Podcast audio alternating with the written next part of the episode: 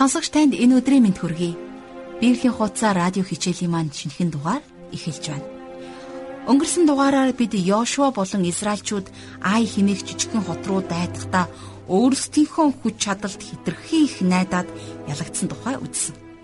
Үүнийгээ ухаарсан Израильчууд дараагийн удаа Бурхны үгийг сонсож дайралт хийх үед энэ хотыг эзлэн авсан шүү дээ.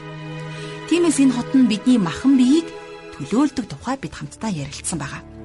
Бидний махан бие бол бидний хамгийн том дайсан. Харин өнөөдрийн хичээлээр бид үргэлжлүүлэн Йошуа номынхон 8 дугаар бүлгийн 30 дугаар ишлэлээс 10 дугаар бүлгийн 14 дугаар ишлэлийг дуустал уншиж судлах болно. Тэгээд өнөөдрийн хичээлээр бид үргэлжлүүлэн Израильчууд Бурхны амласан газрыг хэрхэн эзэлж авч байгаа тухай үздэгэх болно. Өнөөдрийн хичээл дахин нэгэн зан чанарыг бидний үйлдэх ёстой тэрл алхмуудыг заана гэдэгт итгэлтэй байна. Ингээд хичээлдээ орохоос өмнө энэ цагийг Бурхан даатгаж хамтдаа залбирцгаая.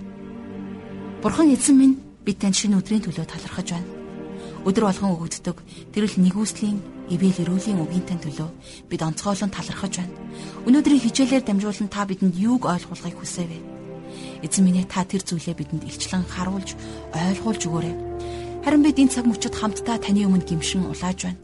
Таны тэрэл цэвэр ариун, тэрэл шижир алт мэд, тэрэл зүгийн сархинаг мэд тэрэл үнтэй үгийг хүлээн авахд бидний махан бие хитрхи зохисгүй байгаа учраас эзэн минь санаатай болон санамсаргүйгээр хийсэн бүхий л алдаа гин зөрчлүүдийг минь үйлдэлүүдийг минь тэрл бузар муу зуршлуудыг минь та уучлан өршөөж өгөөрэй. Тэгээ бид таны өмнө цэвэр тэрл угаагдсан цэвэр сав болж таны үгээр дүүрч бэлгахыг хүсэж байна. Өнөөдрийн үгтэй бидэнд хийгээд сонсож байгаа хүнийг болгонд буцаагаад бидний хуваалцах тэрл итгэгч ахан дүүст маань ивэл өрөөл болон очих болтугай. Энэ бүхнийг бид танд өргөж Есүс Христийн нэрээр залбирanгуйлаа. Амен. Харин одоо жаргал агшиг хичээлд анхаарлаа хандуулъя.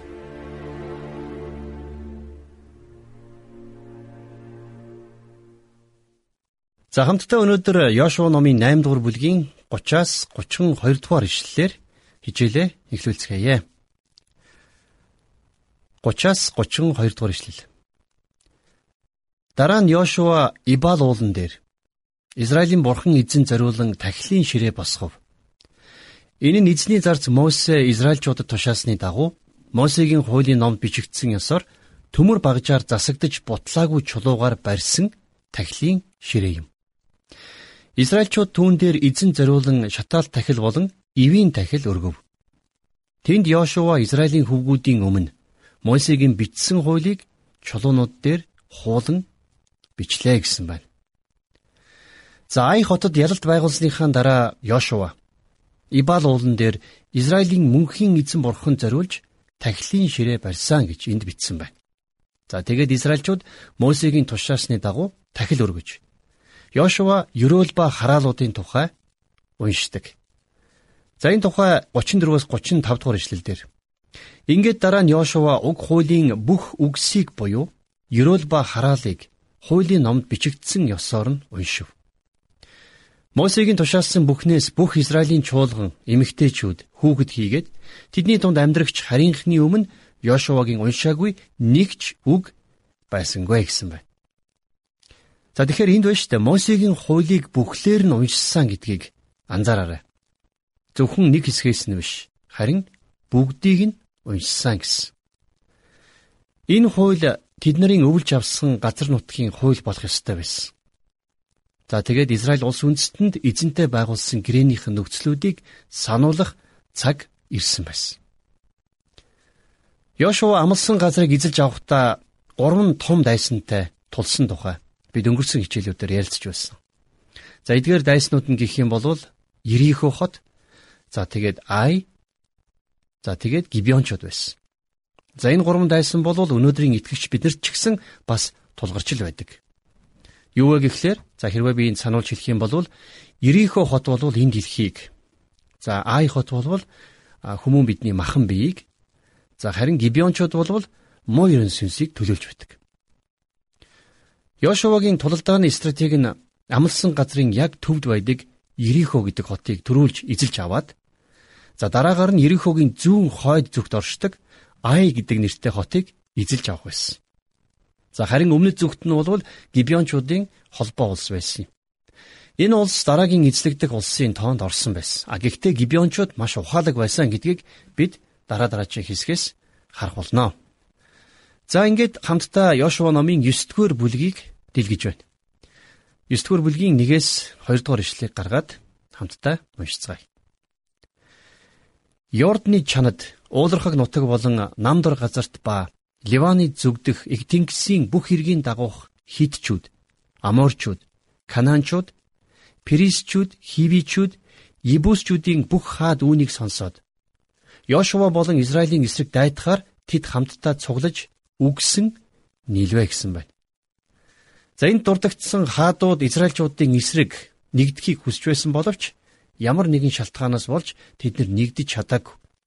За Израильчуудын армийг зогсоож чадаагүй байдаг. За ингэж нэгдэж чадаагүй учраас Гибеончууд бууж өгсөн байх магадлалтай. За ямар тач гэсэн тэд нар Израильчуудтай тулалдахгүйгээр инхийн хилэлцээр байгуулахаар шийддэг. За энэ тухай цааш нь үргэлжлүүлээд нилээд урт ишлэлийг хамтдаа уншицгаая. За 9 дугаар бүлгийн 3-аас 9 дугаар ишлэл. Гибеоны оршин суугчид Йошуа Ирихо болон Айг хэрэгснийг сонсоод заль зохион элч нарыг илгээхдээ илэгдэж хуучирсан ууд шуудаа болон язарч урагдсан нөхөн торгоосон хуучирсан дарсны хөхүр зэргийг илжгэн дээр ачиж хөлдөө хуучирсан шааха биедээ хуучирсан хувцас өмсөв. Тэдний хоол хүнс болох талх нь хатаж үүрсэн байлаа. Тэд Гилгаал дахь хуарн руу Йошуа дээр очиж түүнд болон Израильчуудад бид алс холын нутгаас ирсэн. Тиймд одоо бидэнтэй хилцэл хийгээч гэв. Та нар манай газар нутагт амьдардаг байж магадгүй. Тэгвэл бид та нартай хэрхэн хилцэл хийх вэ гэж Израильчууд хивичүүдэд хэлв. Харин тэд Йошуад бид таны боолууд билээ гэхэд Йошуа та нар хэн болоод хаанаас ирсэн бэ гэв. Тэд түүнд таны бурхан эзний нэр алдрын улмаас таны зарцснаар болох бид алс холын нутгаас ирлээ. Учир нь бид түүний тухай мэдээг болон түүний Египтэд хийсэн бүхнийг сонсов. За эндээс харах юм бол энэ гибеончууд гэдэг улс бол маш ухаалаг, залмигтэй. За бас дээрээс нь худалч хүмүүс байсан. Тэд нэр Иерусалимаас хэдхэн километрийн зайд оршин суудаг байсан хэрнээ алс холоос ирсэн гийч мэд аялсан. За тэгээд бас тэд нар дээрээс нь Йошуад цорын ганц амьд бурхныг дагахыг чин сэтгэлээсээ хүсэж байгаа гэж худлаа ирсэн. За ингээд хэрвээ цааш нь анхааралтай унших юм бол уранхай ноорхой хувцас хунар хуучин дарсны хөхүүр хуучирсан шааха болон хатаж хөгцөрсөн талхаараа Йошуаг хуурах гэж оролдсон байна. За энэ бүхэн маш нарийн тооцоолсон мэхлэлт байсан ч гэсэн харамсалтай нь Йошуа энэнд итгэдэг. За тэгээд бурхан Йошуад тэр газар нутгийг хүүс тэмтэрч ямар ч улстай гэрээ хилцэл хийхгүй байхыг тушааж байсан. Йошуа бурхан дуулууртай байхыг үнэхээр хүсэж ирмэлцдэг байсан боловч Харин гибеончуудад гин алдан хууртагдаад за тэгээд улмаар тэдэнтэй нэг тал болдог. Энэ хилцлийг хийхээс өмнө Йошуач тэр Израильчууд ч тэр Бурхны бодлыг мэдэх гэж хайн тэмүүлээгүй болохыг та сайтар анзаараарай. За хэрвээ та санаж байгаа бол Ирихо хот дэлхийг төлөөлж байдаг. За энэ дэлхийг яаж ялах вэ? Бид нар энэ дэлхийг итгэлээрээ л ялах боломжтой. А за хоёрдугаарт нь бол I гэж хот бол махан биеийг төлөөлгөө гэж бид ярилцсан тийм ээ. За тэгвэл махан биеийг яаж ялах вэ? Махан биетэй бол бид нэр тэмцэж биш. Харин өөрийнхөө сул дорой байдлыг хүлээн зөвшөөрч за улмаар бурханд өөрийнхөө гим нүглийг илчлэн гагцхүү ариун сүнсний хүч чадлаар л махан биеийг дийлэх боломжтой. Тэгэхээр түрүү түрүүчийн бүлгүүдээс бидний уншсан хичээлүүд дээр бурхан өөрөө Йошуад хандаж би чамд Ай хотыг өгнө гэж хэлснийг санаарай. За харин одоо Израильчууд өөрсдийн 3 дахь дайсан болох Гибеончуудтай тулах шаардлагатай байсан. За Гибеончууд бол дээр хэлсэн тийм ээ. Диаволыг төлөөлдгөө гэж. За шин гэрээний Эфес ном, хуучин гэрээний Йошуа номтой адилхан гэж тооцогддог. За яагаад ийм байдаг тухай нэгэн ижил төстэй зүрлэлийг эндээс харцгаая. За Эфес номын 6 дугаар бүлгийн 11 дугаар ишлэл дээр та нар диаволын залим ихний эсрэг бат зогсох чадвартай байхын тулд Бурхны бүрэн хуйг дуулгыг өмс гэж бичсэн байна.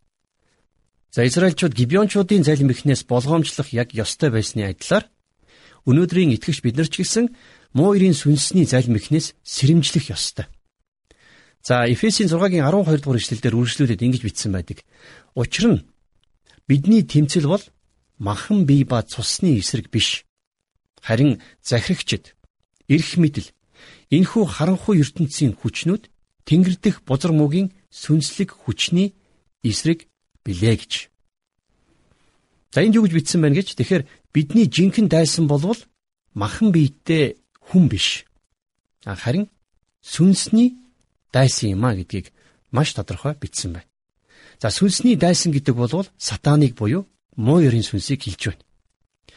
Гэвч өнөөдрийн итгэгч нар бид нар тэрнийг яаж таньж чадах вэ? Тэр яг бидний амьдралд ямар байдлаар занал хийлж байна вэ? За юу гэвэл муу ерөн сүнсний хамгийн шилдэг арга болвол тэр биднийг залдиж өөрийнхөө ардаас оруулах дуртай. Тэр хүнийг архичин эсвэл ямарваа нэгэн донтон болгохдоо гол нь биш байж болох юм. Тэр баг өөрийнхөө сүрүүлсэн зарим нэгэн гутамшигтай хүмүүсийн амьдралаас ичдэг ч үж магадгүй. Харин тэр бүтэн сайн өдр болгон сүм цуглаанд очтгоо гэдгийг мартаж болохгүй. Муурийн сүнс шашинлаг байлгах дуртай. За тийм учраас өөрийг нь магтаасаа гэж тэр хүсэж байдаг. Муурийн сүнс дээрээс нь маш ухаантай ажилдаг. За энээс болоод олон итгэгч нар тэрний залим ихэнд хуурдагдан унсан байдаг юм. Тэгэхээр энэ бүхнээс дүгнээд ярих юм бол муурийн сүнс та бидний нүдийг зөөлөн зөөлөхнөр. За айдуухнаар гучдгаа гэсэн үг. За яг энэ тухай 2 дугаар Коринтын 2-ын 11 дугаар эшлэлдэр Паул ингэж бичсэн байдаг. Ингэсэн нь биднийг сатан мэхэлж далимдуулах вэ гэсэндээ юм.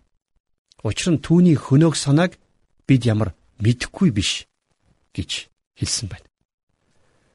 Гэхдээ маш штэ. Харамсалтай нь та бид нар заримдаа муурийн сүнсний хар санаа залим ихийг мартаж орхидог. За тэгвэл бид нар энэ тайсныг яг яаж дийлэх ёстой вэ? За энэ тухай Яаков өөрийнхөө загтал дээр 4-р бүлгийн 7-р эшлэлдэр ингэж зааварлан бичсэн байдаг. Тиймээс бурханд захирагдаг тун диаволыг эсэргүүц. Тэгвэл тэр та нараас зайлна гэж.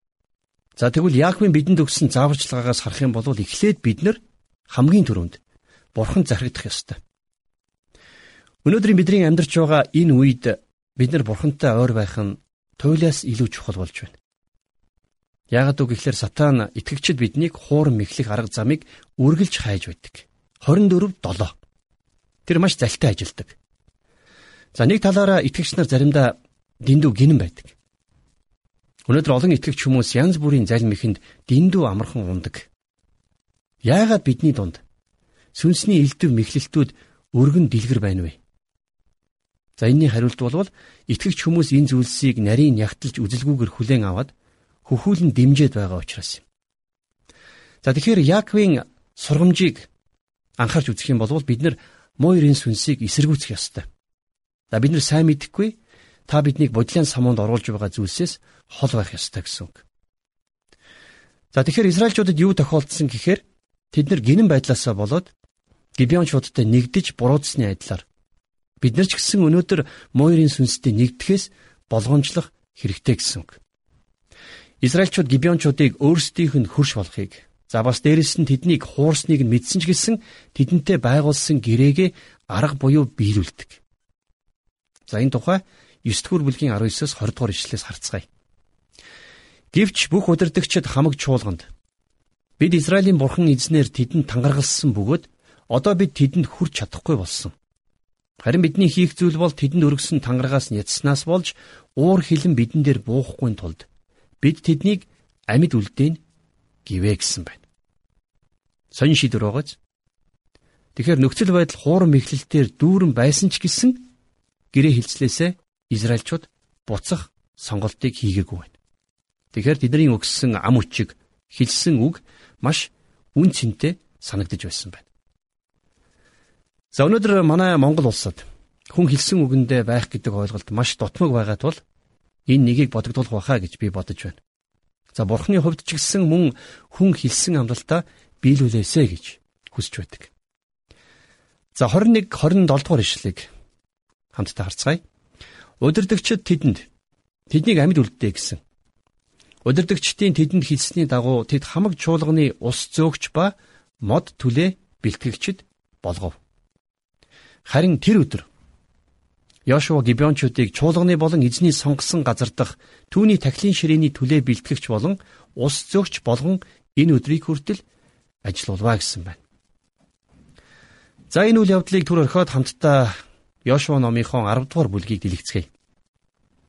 За тэгэхээр энэ бүлэг дээр болвол Йошуа өмнөд зүг рүү цэрэг дайныхаа аяныг үргэлжлүүлж за улмаар Аморийн таван хааныг ялдаг. Тэрээр өмнөд зүгийн аяна Македа Лахиш, Либна, Эглон, Хеброн за бас дээрэс нь Дебирийг ялснаар дуусгаж байна. За мөн 10 дугаар бүлэг дээр Йошуагийн нэгэн онцгой сонин урт өдрийн тухай гардаг. Тэгэхээр итгэгч биш хүмүүс болон итгэгч хүмүүс бүгдээрээ нэг асуултыг асуудаг л да. За энэ түүхээс үнэхээр Йошуа нарыг зогсоосон юм уу гэж. За тэгээд энийг янз бүрээр тайлбарлах гэж оролддог. За зарим хүмүүс болвол ийм зүйл огт болоогүй юм шиг тоохгүй өнгөрдөг. Тэгэхээр ийм хүмүүсийн хувьд тэд нэр энэ сэдвээр ярихгүй байх нь дээр гэж үздэг гэсэн үг. А гэтэл зарим нэг нь энийг зүгээр яруу найргийн хиллэг байсан гэж тайлбарладаг. Энэ бол гайхамшиг болсныг хүлээн зөвшөөрлгүйгээр болсон зүйлийг шууд бос утгатай гэж тайлбарлах гэсэн оролдлого шүү дээ. За энэ үзэл бодлыг баримталдаг хүмүүс ерөнхийдөө шүүгчдийн 5 дугаар бүлгийн 20 дугаар ишлэлээс иш татах дуртай байдаг. За тэгвэл энэ ишлэл дээр Тэнгэрээс одод тулалдан өөрсдийн тойргуудаас тэд Сисерагийн эсрэг тулалдав гэж гардаг. Харин миний хувьд гэх юм бол эдгээр үгсийг яруу найргийн уянгийн зүйрлэл халил гэж хэлсэн гэж бодохгүй байна. Ингиж дүгнэхэд биднэрт хангалттай мэдээлэл байхгүй. За өөр зарим хүмүүс болохоор энийг зүгээр гэрлийн хугаралтай холбож тайлбарлах гад байдаг. За бас бурхан бүх нарны аймгийг зогсоосон гэж үздэг хүмүүс бий. Тэгэхээр ингэснээр энэ сонирхолтой өдрийн нийт урт болвол 24 цаг биш.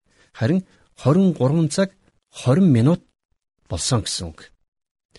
За тэгвэл үлдсэн 40 минут нь за хаадын дид номын 20 дугаар бүлгийн 8-аас 11 дугаар ишлэлдэр гарах нар хойшоогоо 10 градусаар ухарч за Хизкая хаанд тэрний амь нас уртссан болохыг харуулсан гэж тайлбарладаг тийм хүмүүс байдаг. За тэгтэл зарим хүмүүс бурхан нарыг гэрэлтсэн хിവэр нь биш. Харин зүгээр л халахалсан гэж тайлбарладаг. За Библийн нэг орчуулга дээр бүр нар чи гибеонд хүлээ гэж хүртэл бичсэн байна. За зарим нь юу гэж үздэг вэ гэхлээр Йошуа бүхэл шүнжин алхаж за бүхэл шүнжин гэдэг нь дунджаар 64 км алхсан гэсэн үг. За тэгээд дайсныхаа ард талаас гинт довтолсон. За тэгэхээр энэ нь болохоор зуны 7 дугаар сар За сүүдэрт 40 химийн халуун байсан. Харин тэр үед сүүдэргүй байсан болохоор Йошуа нартай биш. Наргүй байлгахыг хүсч байсан гэж хүртэл тайлбарладаг. За тэгвэл би хамгийн сайн тайлбарыг тооллого номын 4 5 дугаар бүлэг дээр тулгуурлаад хэлхийг хүсэж байна. Тэгэхээр Йошуад нарны элч нь багасч харин гэрэл нь ихсэх хэрэгцээ байсан. Тэгэхээр бурхан нарыг мөндөр шуургаар хучсан. За бурхан тэгээд газар дэлхийг бүхэлд нь удаашруулсан. За Гибеоны дээр гэдэг нь нар яг Гибеоны дээд тал. За Гибеоныг дундуур нь хувааж сар доошлоод Айлоны хөндөй дээр тогтож байсан гэсэн үг. За тэгвэл Гибеон 31 градусын өргөрөгт за хойд зүгээс 51 минутын зайд оршдог байсан. Тэгэхээр энэ нарыг зогсоосон энэхүү гайхамшигтай үйл хэрэг болвол үнэхээр бурхны хийсэн гайхамшиг байсан гэдэгт эргэлзэх зүйлгүй. За ер нь энэ бүлэгт гарч байгаа бүх үйл явдал нь Яшуагийн гибеончуудтай байгуулсан гэрээ хилцэлтэй холбоотой байсан. За мэдээж хэрэг тэр анханасаа энэ гэрээ хилцлийг хийх ёсгүй байсан боловч за нэгэнд хийсэн болохоор хилцлийн тохироог өөрийнхөө үүргийг хүлээхээс өөр аргагүй болсон байдаг.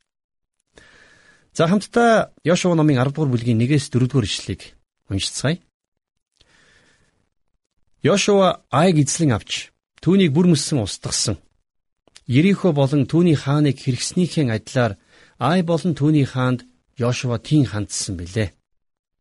Мөн Гибеоны ард түмэн Израильтай энхийн гэрээ байгуулж Израилийн газар нутагт багтсан зэргийг Иерусалимийн хаан Адони Зидок сонсоод ихэд айн төгшөв. Учир нь Гибеон бол хаан хотуудын адил агуу том хот бөгөөд айгаас ч том бүх ирчүүд нь ч хүчрэг байсан юм.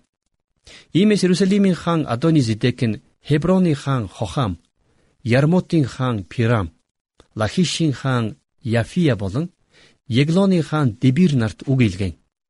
Наашаа ирж надад туслах тун. Гибеон руу давталцгаая. Учир нь тэд Йошуа болон Израилийн хүүгүүдтэй инхийг тогтоосон билээ гэв. За тэгэхээр дээр дурдгдсан эдгээр хаадууд Гибеоны Израильтай байгуулсан гэрээний тухай сонсоод за тэгээд Гибеон руу дайлар мордохоор ирж байна. За цааш нь 5 дугаар эшлэлдэр Тинхүү Иерусалим, Хеброн, Ярмут, Лахиш, Еглоны хаад болох Аморчуудын эдгээр таван хаан хүчээ нэгтгэн бүх цэргүүдтэйгээ явж Гибеоны ойролцоо байрлан түүний эсрэг тавталваа гэсэн байна. За тэгвэл Гибеончууд яасан бэ? 6 дугаар эшлэлдэр Тэгэхэд Гибеоны ирчүүд Гилгалийн хуарн руу Йошуад үг илгэн. Та нар зарцнараа бүх хүсэр хаяач уулархаг нутагт амьдардаг аморчуудын бүх хаад бидний эсрэг нэгдээд байгаа учраас бид нар лөө дариухан ирж биднийг авран туслаач гэв гэсэн байна. За яасан гэхлээр Гибеончууд Йошуагаас аврал ирж авралын дохио явуулсан. За 7-оос 9 дугаар эшлэлдэр Тиймээс Йошуа бүх цэргийн хүмүүстэйгээ хамаг эрэлхэг дайчдынхаа хамтаар Гилгалаас хөдлөв. Мөн эзэн Йошуа тэднээс бүү ай. Учир нь би тэднийг гарт чинь өгсөн. Тэдний нэгэн ч та нарыг сүрэн зогсож чадахгүй гэж альдлаа.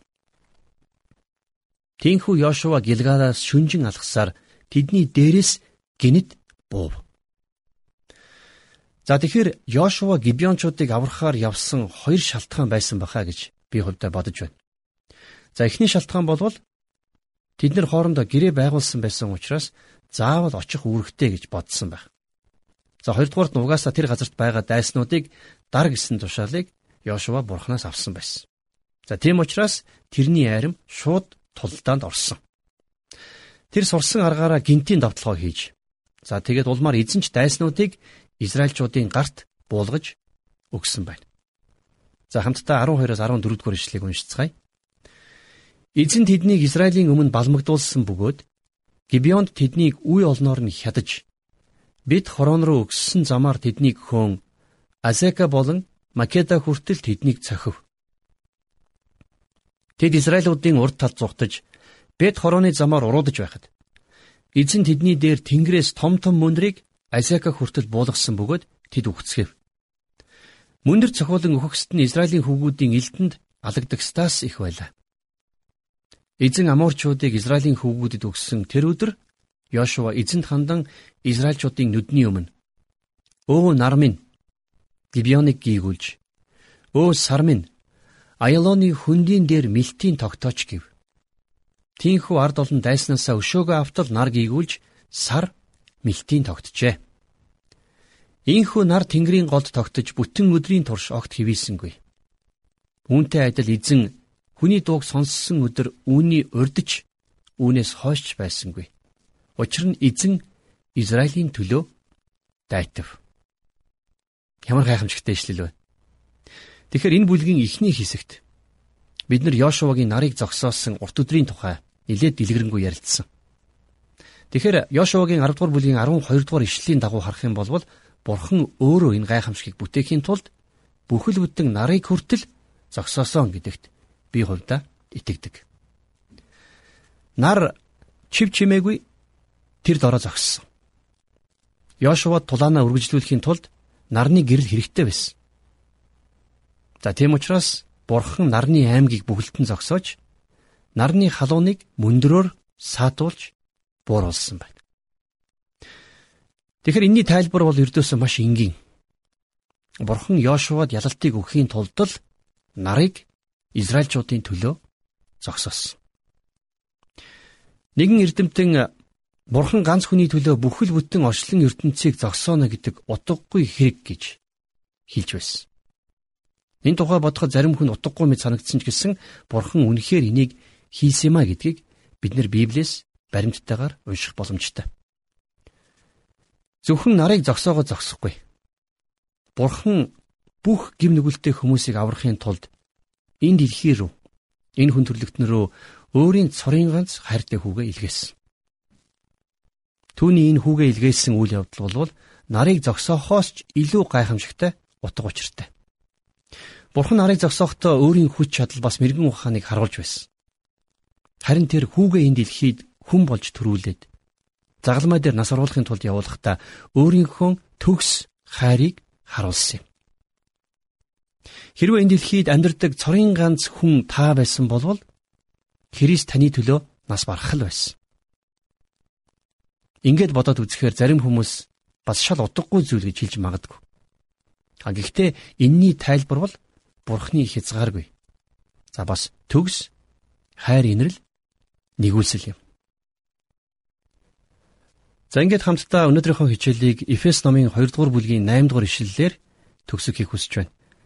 Энд Бурхны туйлын төгс хайр нэгүслийн талаар ингэж бичсэн байна. Эфесийн 2:8 Учир нь нэгүслэр та нар итгэлээрээ аврагдсан юм. Энэ нь та нараас биш харин Бурхны бэлэг гэсэн байна.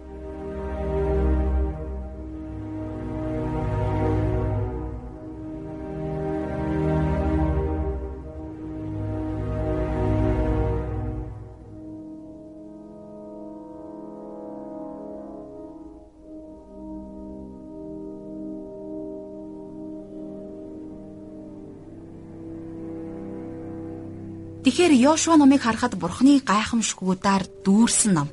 Бурхан өөрийнхөө хүмүүсийн төлөө нарыг зогсооно гэдэг санаанд оромгүй том гайхамшиг. Харин энэ тухай орчин үеийн шинжлэх ухааны зарим ололтууд үнэхээр болсон тухай нотлохоо олж байгаа. Тэгэхээр Бурхан өөрийн хайртай хүмүүсийн төлөө юу ч хийхэд бэлэн байна. Тийм ээ, өнөөдөр ч гэсэн та бидний амьдралын төлөө тэр гараа хөдлөхөд бэлэн Бурхан байна. Өнөөдөр магадгүй таны амьдралд гайхамшиг хэрэгтэй байна. Та Бурханаас яг энэ талаар өөрөө гуугаарай. Бурхан ганцхан хүний төлөө нарыг зогсоож, ганцхан хүн энэ дэлхий дээр амьдарч байсан ч гэсэн хүүгээ явуулгал байсан. Тиймээс Бурханд таны амьдрал маш чухал, үнэтэй. Бурхан хүннийг бүрийн амьдралыг анхааран үздэг, таны залбирлыг хүнийг болохны залбирал зовлон, гуйлд, талархал, магтаал, гимшлийг анхааран сонсож хариулдаг нэгэн. Тийм ээ, энэ лүгээр өнөөдрийн хичээл маань өндөрлөж байна. Харин та сурсан зүйлийнхаа төлөө талархаж, амьдралдаа хэрэгжүүлэх тэрл уран зоригийг тээж хамтдаа залбирая. Эзэн бурхан минь, таны хайр шингэсэн, таны инрэл хайр, таны мөн чанар шингэсэн үгийнтэй төлөө би танд талархаж байна. Эзэн минь та өдрөөс өдөрт бидэнд өөрийгөө илчлэн харуулж, та хүслээ мэдүүлсээр байгаа. Эзэн минь Йошуа намын төлөө би танд үнэхэрийн талархаж байна. Та энэ итгэлийн баатар Тухайн үеийн Израильчуудын байр байдал тэдний танд дуулууртай бас эс дуулууртай байх байдлаар дамжуулж бидэнд та хичээлийг заасаар байгаад талархаж байна. Эзэн минь бид мэрэгэн нэгэнд тооцогдож бусдынхаа хийсэн алдааг хажуунаас нь хараад харин өөрт ийм асуудал тулгархад түүнийг хийдэггүй, дахин давтдаггүй, харин алдааг тойрч зөвийн замаар алхагчд байхын төлөө бид гуйж байна. Тиймээс эзэн минь өнөөдөр сурсан зүйлээ бид амьдралдаа багч болов хэрэгжүүлмээр байна. Танд бид бүх зүйлээ даатгаж, өргөж Есүс Христийн нэрээр залбирanгуйлаа. Амен.